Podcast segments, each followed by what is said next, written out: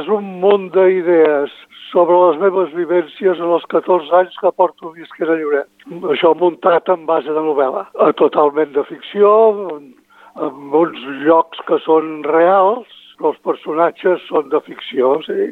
I, què sé jo, he buscat una trama per lligar totes aquestes idees que t'he dit abans, de, de ressaltar experiències personals. Eh, una molt bona que he viscut a la ràdio, precisament. Una altra molt bona que és tot el patrimoni de Lloret. Pues tot això. Eh, només vull dir que no és un llibre comercial. No està a la venda.